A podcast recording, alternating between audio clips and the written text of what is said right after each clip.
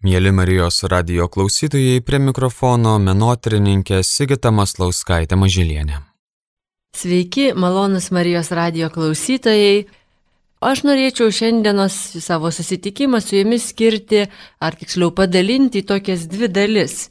Na, vieną truputėlį, taip kaip sakyt, pasvarstyti per Švento Kazimiero asmenybę ir jo svarbą mūsų, mūsų tradicijai, istorijai, per jo biografinius faktus, pasvarstyti tiesiog apie patį šventumo fenomeną, apie Švento Kazimiero kaip globėjo reikšmę mūsų tėviniai.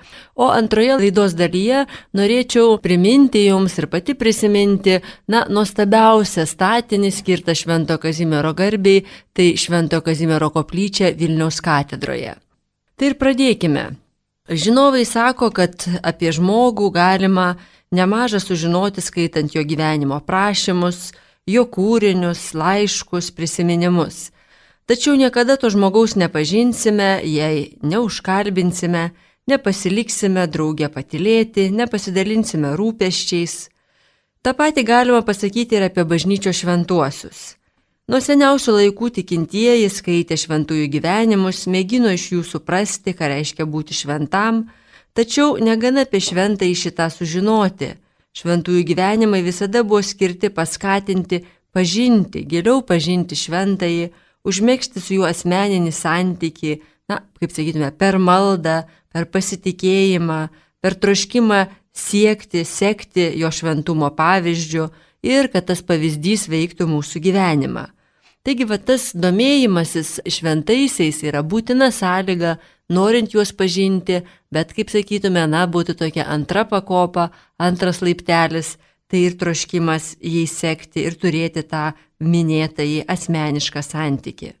Šventasis Kazimieras atrodytų tolimų laikų žmogus, Lietuva, ne taip kaip kitos Europos valstybės, jau senai pamiršo, kad ji turėjo savo monarchiją, kad tai yra karališkos šeimos atstovas, įpėdinis, osto įpėdinis. Na ir jei Kazimieras te būtų tik prieš amžius valdęs ar prieš amžius miręs jaunas osto įpėdinis, jis menkai domintų net ir istorikus. Tačiau jis peržengė savo epochą, peržengė savo luomą, na ir taip nutinka tada ir taip nutinka tiems, kurie pasirenka be išlygų ieškoti Dievo ir kurie be išlygų tampa žmonėmis visiems laikams. Kazimierui prieš 500 metų tekę iššūkiai yra tikrai stebinančiai šio laikiški. Rinktis malonumų kultą ar gyvenimo prasme, būti pirmiausia valdovu ar žmogumi einančiu meilės keliu, paklusti moralės nepripažįstančiam pasauliui ar savo sąžiniai, pagaliau visais atvejais ar daryti tai, ko iš tavęs tikisi ir reikalauja aplinka, ar klausyti Dievo ir būti pačiu savimi. Iš tiesų dažnai šiandieną ar ekskursijų po Vilniaus katedrą ir Švento Kazimiero koplyčią metu, ar kalbant apie Vilniaus katedros lobino brangenybės, kuriuose atsispindi, pasirodo be galo tokie ryškus pamaldumo šventajam Kazimierui ženklai, tikrai dažnai galima išgirsti klausimą, na kaip tas tolimų laikų šventasis mums šiandieną galėtų būti aktualus ir ką jis galėtų mums pasakyti ir kokiu ženklu mūsų laikė galėtų būti. Tai va čia ką tik pacituoti Vytauto Alšausko beje knygelės Šventasis Kazimieras sakiniai leidžia mums matyti, kad iš tikrųjų tai yra be galo šio laikiški iššūkiai, kuriuos patyrė renesansinis mūsų karalaitis Kazimieras, būtent gyvenimas ne dvigubai standartais, nepaisimas dvigubų standartų, su kuriais šiandien mes tikrai susidurėme labai dažnai ir tikrai kurie tie iššūkiai, dvigubi standartai, tas vat, bekompromisinės laikysenos svarba mums šiandieną visiems yra aktuali ir be galo aktuali ir labai matoma visose, visose kaip sakome, na, būtų apšviestose ir neapšviestose erdvėse. Šventasis Kazimieras žinome tikrai, jog jisai gimė Vavelio pilyje, Krokuvoje, na, sakoma, rytui auštant 1458 metais spalio 3 dieną ir jis buvo antras iš šešių Lenkijos karaliaus ir Lietuvos didžiojo kunigaikščio Kazimiero sūnų. Sunku pasakyti, kiek Kazimieras turėjo sesių, bet tikrai bent penkias jis jas turėjo. Jo motina buvo tuo metu 21 metų Čekijos, Vengrijos ir Vokietijos karaliaus duktė Elsbieta Habsburgaitė. Ir Habsburgai šimtmečius buvo Vokietijos ir Austrijos valdovai, o paskutinis Austrijos imperatorius Karolis valdė jau 20 amžiaus pradžioje ir beje pasižymėjo šventų gyvenimu. Apie Švento Kazimiero vaikystę žinome tikrai nedaug, pirmoji biografija, kuri parašyta jo kanonizacijos proceso metu, arba tiksliau kaip rezultatas to jau kanonizacinio proceso, Vita Sankt Beti Kazimyri, tai vadinamasis palaimintuoju toje knygoje. Na, ta jo vaikystė apibūdinama toje knygoje tokiomis šiek tiek trafaretinėmis frazėmis, anais laikais įprastomis rašant apie šventuosius nors bliksteli ir viena kita tokia gyva, sakysime, realistinė atmintis, atminimas. Dar būdamas vaikas, cituoju, tėvų atiduotas mokytis gražiausių papročių ir gerųjų mokslų, tiek pažengė į priekį, kad visiems kėlė nemažą nuostabą. Taigi iš tikrųjų apie tai, jo karalaitis buvo išsimokslinęs, iškalbingas, jog atlikdavo tam tikras kaip valdovo sūnui tinkančias pareigas, sveikinti pasiuntinius, e, kalbėti na, ambasadorių akivaizdoje, e, aukštų e, svečių akivaizdoje, yra paliudyti istoriniais šaltiniais, tai yra nebejotina. Na, taipogi manoma, kad jis tikrai turėjo ir aiškę rašyseną, ir gerai skaičiavo, nes žinome faktą, jog tėvų išvykus į Lietuvą, jis dviejus metus administravo Lenkijos karalystę, na jau būdamas jaunuolis, ir sugebėjo subalansuoti dėl nesaikingų ir neapgalvotų išlaidų pakrikusi valstybės išdą. Žodžiu, tas toks, sakysime, tuo metu, kaip mes sakytume, humanistinis išsilavinimas iš tikrųjų buvo tvirtas, geras pamatas jo, jo asmeniniam ir tam tikriausiai ir šventumo keliui toliau klotis.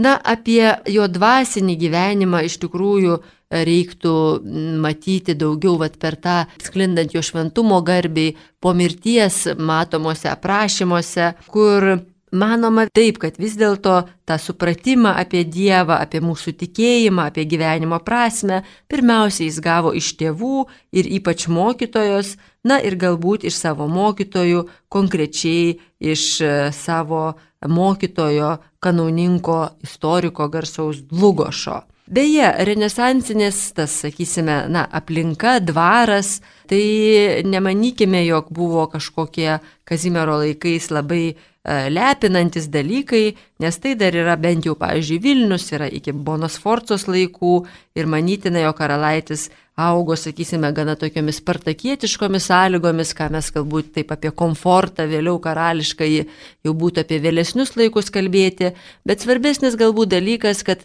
tas renesansiškumas čia turi daugiau ne kažkokį komfortabilumą, puošmenas ir taip toliau, kas ateina vėliau jau po karalaičio laikų, bet daugiau turime omenyje, na, tuos tokius papročius, kurie, nuo kurių ir pradėjau savo laidą, apie tos dvigubus standartus, apie tai, kad praktikuojant katalikišką tikėjimą, be abejo švenčiant mišes, tikrai nereiškia, kad karaliaus broliai to nedarė, jie tą viską darė, bet žinome taipogi, kad dešimties Dievo įsakymų, arba bent jau kai kurių iš jų iš tikrųjų nesilaikė, Na ir tos toks laisvas požiūris į įvairiausius dalykus iš tikrųjų buvo įprastas ir, ir tuo metu, sakysime, toleruotinas.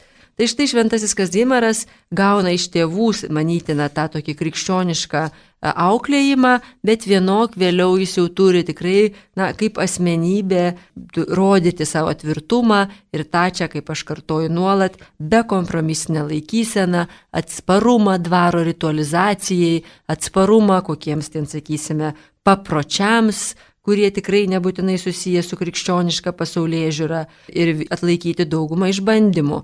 Na, turbūt Marijos radio klausytojai yra girdėję apie kovą dėl Vengrijos sosto, Tai yra, kuomet karalaitis dar buvo tiesiog 13 metais, tik tai labai jaunutis, na ir teko jam vykti su 12 tūkstančių karių iš Krokovos į Vengriją, na kaip sakysime, e, vaduoti, kaip tu buvo suvokiama, neteisėtai užimto jo motinai priklausančio Vengrijos karalystės sosto.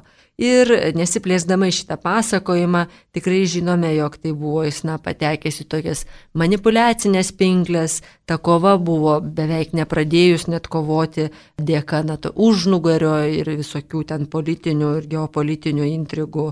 Pralaimėta, beviltiškai pralaimėta, na ir jam teko pasitraukti.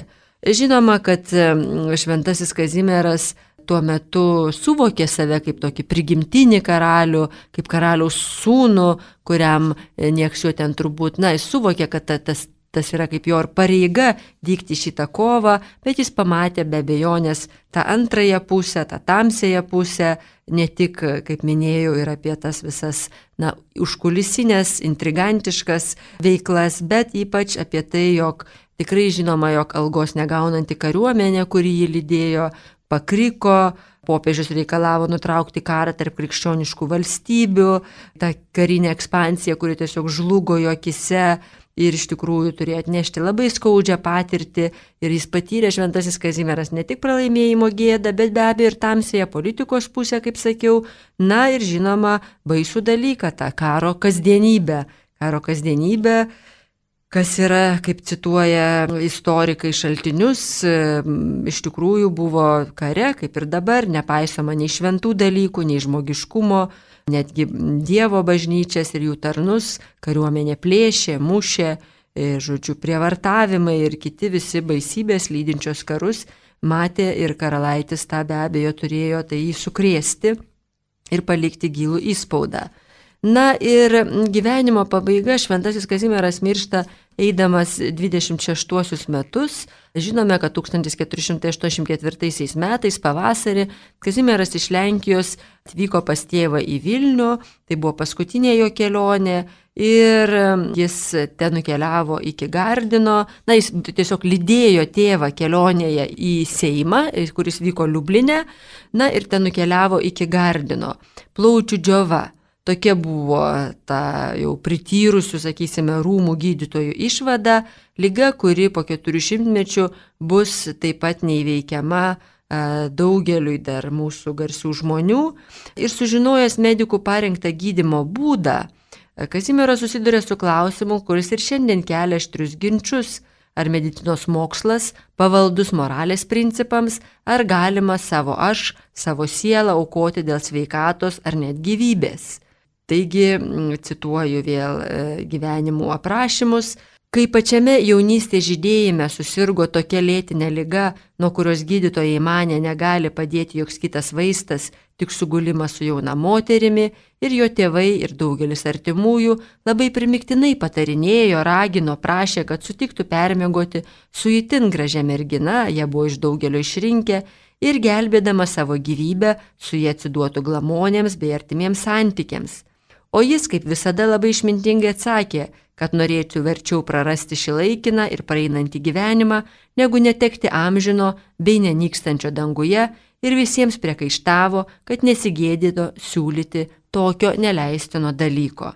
Tai pasakoja Zacharijas Ferreri, minėtasis pirmosios biografijos autorius, kuris rinko kanonizaciniai bylai medžiagą ir tikrai žinome, kad apklausinėjo gyvus liudininkus, karalaičio tarnus ir jį pažinojusius žmonės.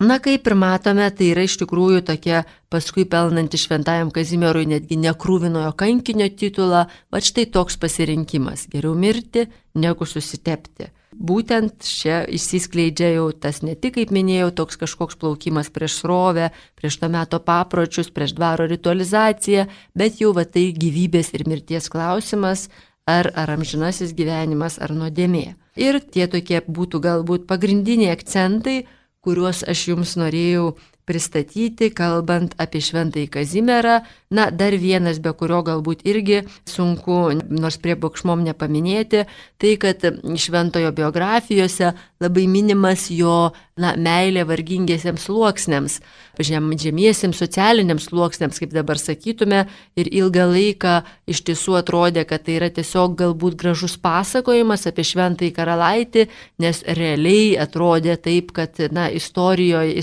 to, to meto laike renesansinis karalaitis, na, niekaip, niekaip negalėjo susidurti su tais, sakysime, na, kokiais vargingaisiais savo miesto gyventojais, nes tikrai dvaras rūmai buvo na, kaip mėnulis nepasiekiamas ir visiškai kitoje plotmėje. Na ir čia dabar jau tyrinėtojai prieš dešimt metų beje gerų jau perskaitė išvertę šaltinius įvairiausius, daro išvadą, jog galbūt greičiausiai nėra tai tik tai kalbėjimas apie šventumą ir šventumo garsą ir tą parodymą jo kaip krikščionio artimo meilės, darbų, jautrumo ir, ir va, tas pasakojimas toks, sakysime, postmortem, bet kad tikrai greičiausiai tas kažkoks santykis su varguomenė, su vargingaisiais sluoksniais galėjo būti, nes tą ypatingai ryškiai rodo votai, kurie iškart pradedami sekti Švento Kazimiero koplyčiai, dėmesio dėmesio, tada Kazimieras palaidojimas taip į karališką, bet palyginus kuklę, ne tą dabartinę, apie kurią ir netrukus kalbėsime ir kurią turbūt visi pažįstate. Kitoje katedros vietoje ten buvo tiesiog įmūryti jo palaikai į sieną ir žinoma, kad toje kapavietėje tiesiog pradedami, na, masiškai kabinti vaškiniai votai. Tai va tai šita užuomena, šitas faktas leidžia tyrinėtojams manyti, jog pirma, vaškiniai votai tai yra neturtingų žmonių dovanos, tai nesidabras, ne auksas. Vienas dalykas, kitas dalykas, kad kodėl jie ten kabina votus, jie žino apie karalaitį, jie žino apie jo gerbimą, apie jo šventumą ir tai nėra kažkoks, na sakysime, nuleistas iš viršaus, iš karališkos šeimos, iš hierarchijos šventumo pasakojimas, o būtent kylantis iš tų, na sakysime, žemesnių, paprastų e, mūsų visuomenės e, sluoksnių. Taigi Šventojo Kazimiero gerbimas, galime drąsiai sakyti, prasideda iš karto po jo mirties, nes jau 1520 metais miršta karalaitis 1484, o štai praėjus daugiau beveik 40 metų jau vyksta ir kanonizacijos procesas, ir leidiniai, ir rūpestis kaip padaryti e, jį garsų, žinomą ir oficialiai leidžiamą gerbimą visoje katalikų bažnyčioje, na pirmiausia žinoma Lietuvoje, Lenkijoje, bet matėsi pastangos, kad būtų įnorėta ir dar plačiau. Šioje vietoje aš staptelsiu muzikinės pertraukos metu, pamastykime apie šventąjį globėją, ar domimės juo, ar jį prisimenam, ar gilinamės, ar mėginame jo sekti ir vėliau kalbėsime jau apie jo palaidojimo vietą, apie nuostabų paminklą Vilniaus katedroje.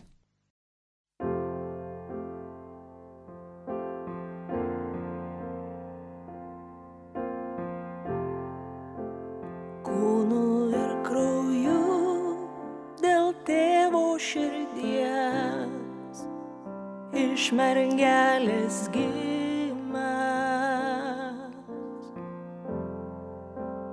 Pasiklydusių atėjęs ieškot ir atpirkti.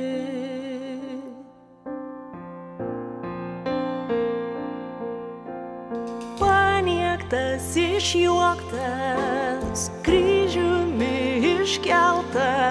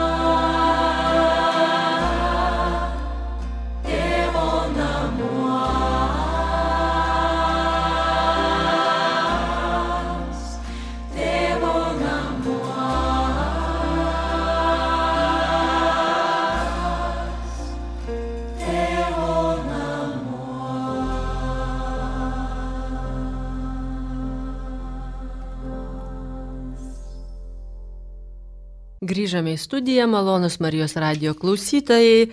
Mums skambėjo, klausėmės per traukėlės metu laimos bendoraitytės giesmės tėvo namuos. Na ir toliau kalbame apie šventąjį Kazimierą, prasideda antroji laidos dalis, kuri, kaip minėjau, bus skirta garsiausiam paminklui mūsų valdovų ir tikinčiųjų pamaldumo, tiesiog paminklui Šventojo Kazimiero koplyčiai Vilniaus katedroje. Dar gerbėmieji, norėčiau tik tai priminti, jog iš tikrųjų pabrėžti, e, jog Šventojo Kazimiero garsas jo šventumo garsas tiksliau pradėjo sklisti iškart po jo mirties. Štai pavyzdžiui, Vilniaus katedros dvasininkas Erasmas Vitelijus 1501 metais, nepraėjus nei 30 metų po jo mirties, kalbėdamas popiežiaus akivaizdoje sakė, Kazimieras, palaidotas kunigaikštystės sostinėje, jau beveik dvi dešimtis metų garsėja daugeliu stebuklų. Na, tuo metu jo palaikai, kaip minėjau, ilsėjosi karaliui Kazimierui ir jo šeimai laidoti numatytoje Vilniaus katedros koplyčioje, taip vadinkime, na, toj karališkoje koplyčioje. Ir prašymą jį pripažinti šventuoju plaukė popiežiui, minėjau ir votus, vaškinių, sidabrinių irgi būta, bet ypač būta tų vaškinių. Na ir galiausiai 1520 metai atrodytų, kad būtų jau kaip ir apvainikavimas, prasideda toks oficialus teisinis procesas, išleidžiama biografija, apklausiami liudininkai, surašomas visas, visas viskas, kas reikalinga tam visam, sakysime, tokiam teisiniam mechanizmui ir staiga prasideda reformacija. Na, ne visai staiga, bet būtent 16 šimtmetis yra be galo nedėkingas šventųjų skelbimo atžvelgių, katalikų bažnyčia yra atsargi, na ir manoma, kad būtent dėl to kaip ir sustojo tas toks oficialus gerbimo, na, užanspaudavimas, pabaigimas kanonizacinio proceso, Bet tikrai žinoma, jog nepaisant to žmonės prie karalaičio kapo meldėsi, jo užtarimu, jo šventų gyvenimu niekas nebejojo. Ir tiesiog vėlgi 16 pabaigoje, 17 pačioje pradžioje jau Vilniaus vyskupui, štai Benediktui Vainai, tiesiog teko rimtai susirūpinti liturginio kulto reikalais, na, kad tas pamaldumas, kuris vyksta, kuris niekur nepasibaigė, nepaisant vat, visų kataklizmų, nepaisant e, reformacijos ir, ir katalikiškosios reformos, va tokių pervertų, viskas, na, taip tiesiog reikia užanspauduoti ir legitimizuoti, kaip mes dabar sakytume, jau karštai besiskleidžiančią meilę šventajam Kazimierui. Na ir tas užanspaudavimas įvyko 1602 metais, popiežius Klemensas VIII, galima sakyti, užbaigė Kazimiero kanonizaciją, tiesiog jisai patvirtino šventajam skirtus liturginius tekstus, patvirtino, kad šitas gerbimas yra, na, leistinas, oficialus, bažnyčios pripažįstamas. Ir paminė taipogi tame rašte glausta ir šventojo gyvenimo savitumą. Žodžiu, visas tas, na, sakysime, 1102 metų įvykis prilyksta tokiems kitų, jeigu lygintume su kitomis šalimis, su kitų miestų, Europos šalių šventaisiais tikrai tarsi kanonizacijos iškilmėms, o jos ir vyko Lietuvoje praėjus dviem metam, nes suprantam, dėl to laiko geografijos, dėl laiko, kad pasiruošti, dėl tuo metu netgi ten ir e, mūsų krašte ir maras siautė, žodžiu, dėl daug tokių va, susidėjusių dalykų. 1604-aisiais, reiškia, praėjus dviem metams nuo tos brevės paskelbimo, Gegužės mėnesį tris dienas truko didžiulės iškilmės, skirtos jau oficialaus šventojo Kazimiero garbiai ir buvo procesijos, buvo kūryba, teatrai, poezija ir taip toliau, bet svarbiausias žinoma akcentas - gegužės 12 dieną buvo padėtas kertinis akmuo švento Kazimiero bažnyčiai. Na, o šventojo kūnas, kaip ir priklauso, tuo metu buvo atvertas kapas, pažiūrėti jo palaikai, taip iki šiol yra toksai, na, paprotys, vos nesąlyga, būtina. Ir pradėta nauja šventojo Kazimiero koplyčios statyba. Ir šventojo Kazimiero kūnas į tą koplyčią pernešamas 1636 metais, labai irgi su, su pompa, su didžiulėmis iškilmėmis į naujai pastatytą barokinę koplyčią. Na ir šita Švento Kazimiero koplyčia Vilniaus katedroje yra be ne vienintelis Lietuvoje išlikęs sakralinės architektūros paminklas, sukurtas valdovui užsakius. Jau vien tai išskiria šį nepaprastą architektūros ir dailės kūrinį iš daugybės kitų bažnytinių užsakymų. E, Šiandieną, ką mes matome, ar maldininkai atvyksime, ar tiesiog žvalgysimės pažindinamėsi su tuo nuostabiu architektūros paminklu, mes matome 17 amžiaus pabaigos, 18 amžiaus pirmos pusės rekonstrukcijų vaizdą. Nes dėja dėja po tos, na, įvykusios nuostabios statybos ir iškilmių 1636 metais ir relikvijų perkelimo ateina 17 amžiaus vidurio karai. Baisus karai, kuomet buvo iš tikrųjų plėšiama, grobiama ir deginama, berots 8 metus netgi Vilnius buvo siaubiamas ir iš to meto Kazimiero koplyčios mes neturime nieko. Šventojo karalaičio išskyrus be abejo pačią struktūrą, architektūrą, bet ir kalbu apie pošybą, ikonografiją. Ne, neturime. Šventojo Kazimiero relikvijos palaikai buvo slėpti Ružanuose, Sapiegų giminės e, valdose, rūmose. Tikrai buvo gelbėjama vis, visais per visas kataklizmas relikvijos gelbėjimos ir seniausias Šventojo Kazimiero atvaizdas taipogi kaip didžiulė brangenybė buvo išgelbėtas tiek iš to vat, tvano 17 amžiaus vidurio karų, nelaimių tvano, tiek ir vėliau per įvairiausius gaisrus ir karus buvo, buvo gelbėjami ir išsaugoti ir tikrai pasiekė mūsų dienas autentiški ir tikri. Na, o grįžtant prie koplyčios, iš tikrųjų reikia pasakyti, kad dabartinis bažnyčios interjero dekoras išsaugojo tam tikras aluzijas į didžiųjų kunigaikščių ir karalių skonį, intencijas bei meno vertinimą. Iš jos įkūrimo ir statybos laikotarpio išliko ir apie valdovus iškalbingai byloja sienos. Na ir tuo įdomesni tampa 17 amžiaus pirmos pusės dokumentai, kuriuos tyrinėtojai aktyviai tyrinėja ir kurie prabyla apie šio ypatingo Lietuvos sakralinės architektūros kūrinio sumanimą, fundacijos aplinkybės, statybas, interjero dekorą bei simboliką. Tai štai gerbėmieji, čia tas kelias, keliolika minučių, kurios mums dar likę, aš norėčiau išskirsti, papasakoti ne tiek dabartiniam koplyčios vaizdui, kurį mes galime matyti ir kuris nuolat yra pristatomas ekskursijų metu ir šiaip ir dvasininkai atsižvelgia kartais ir tikintiesiems parodo, o būtent apie tą pirmąją koplyčią, kuri, kaip ir sakytume, taip sienos, taip marmuras, bet pati ikonografinė programa mūsų nepasiekė. Žinom, kad vieta ties pietrytinių katedros kampu arti rūmų liko neužstatyta ir buvo pasirinkta dėl to, kad, na, būtent šitoje, vad kaip pasakytume, reikalinga buvo tam tokiam vienam tikslui pastatyti žemutinėje pilyje pastatą, simbolizuojantį Šventojo Kazimiero Lietuvos globėjų išaukštinimą ir karaliaus Zygmanto vazos pergalę prieš Rusiją įtvirtintą 1619 metais. Na ir tas įtvirtinimas iš tikrųjų labai yra svarbus, nes tai tokia yra gal mažiau girdėta.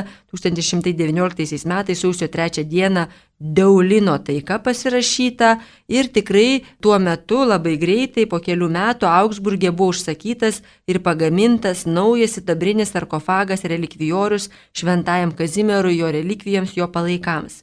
Tai vad matome, kad tas Švento Kazimiero kaip valstybės globėjo statusas, na kaip tokio simbolio kovose su mūsų rytų priešais, kurie ta grėsmė nuolat ir nuolat ir karalaičio laikais, ir ypač jau po karalaičio mirties labai smarkiai kylo ir čia mus visai tykojo, iš ties rodo, jog valdovai, Lietuvos kariuomenė, karvedžiai dažnai šaukdavosi jo globos. Nes jeigu vėliau tam tikros pergalės, tam tikri, tam tikri įvykiai laimingai susiklostė, netgi įtraukti ir tą pačią betifikacijos procesą, kurį minėjau, į tą visą aprašymą ir stebuklų, bet netgi va štai ir po šimto metų, 1619 metais, yra suvokiama, na, kaip padėka, kaip votas tasai sarkofagas relikvijorius, nes tai yra iš tikrųjų padėka už tą, už tą pergalę. Naujos Švento Kazimiero koplyčios statybos idėjinis ryšys su pergalė prieš Maskvą vertas tokio truputėlį platesnio aptarimo. Tai liudyja įvairūs dokumentai, bet ypatingai reikėtų atkreipti dėmesį į koplyčios viduje juosiančio ant ablemento detalės miltainio frizą. Na, antablementas, na, tiesiog tai yra tokia juosta viršutinėje koplyčios dalyje, ji yra kaip kubas Ir tenai yra vaizduojami tokie, na, gražus, sakysime, ereliai, e, surišti javų pėdos surištos, kas visą tai simbolizuoja vazų e, giminės herbą. Ir e, krikščioniškoje ikonografijoje jau nuo Švento Augustino laikų erelis dažniausiai simbolizuoja ir prisikėlimą, ir tą tokį pradžioje buvo žodis, na kaip ir Jono Evangelijos tokia ištara apie logos, apie, apie amžinąjį žodį. Ir manome, jog iš tikrųjų jau ir pirmoji koplyčia buvo ikonografinė programa apdainuojanti Šventojo karalaičio darybės ir labiausiai išryškinanti ir formuojanti Šventojo tėvynės globėjo įvaizdį. Ir e, kita vertus, koplyčios architektūrinė struktūra verčia ieškoti paralelių barokinėje Europos architektūroje. Manoma, kad tas centriškas toks kupolinis kartu su kryžiaus formos koplyčios planas bei visa architektūrinė kompozicija, na, nebejotinai siejasi su garsiomis Romos šventovėmis, su jų koplyčiomis, o svarbiausia, kad tai išryškina tokią išskirtinę kapavietę. Išskirtinę kapavietę. Ir galiausiai Šventojo Kazimiero koplyčios ikonografinė programa pasakojo ir dabar tiesa tebe pasakoja apie jo gyvenimą, darybės, stebuklus įvykusius po jo mirties ir apie tai, na, koks yra galingas ir kaip čia besišaukiančių šioje vietoje besimeldžiančių tikinčiųjų maldas dosniai išklausantis šventasis. Na tai pirmiausia, atrodytų, ką gali vaizdai pasakyti, kaip, kaip va šitą mano sakinį, kaip jie gali iliustruoti, kaip jį gali apibendrinti. Tai kad ir ta seniausioji trirankio Kazimiero ikona, kaip trys rankos, ta tokia intriguojanti, tarsi keista detalė, bet visi dabar yra jau, kaip sakoma, nusprendę ir nebesiginčyje, žinodami, jog visos trys rankos yra vienalaikės ir kad tai simbolizuoja ypatingą šventojo karalaičio dosnumą, ypatingą jo, na, kaip sakytume, atsid, tokį malonių tiesiog žėrimą, jo dalinimą, jo pagalbos, jo užtarimo besišaukiančiams tikintiesiems.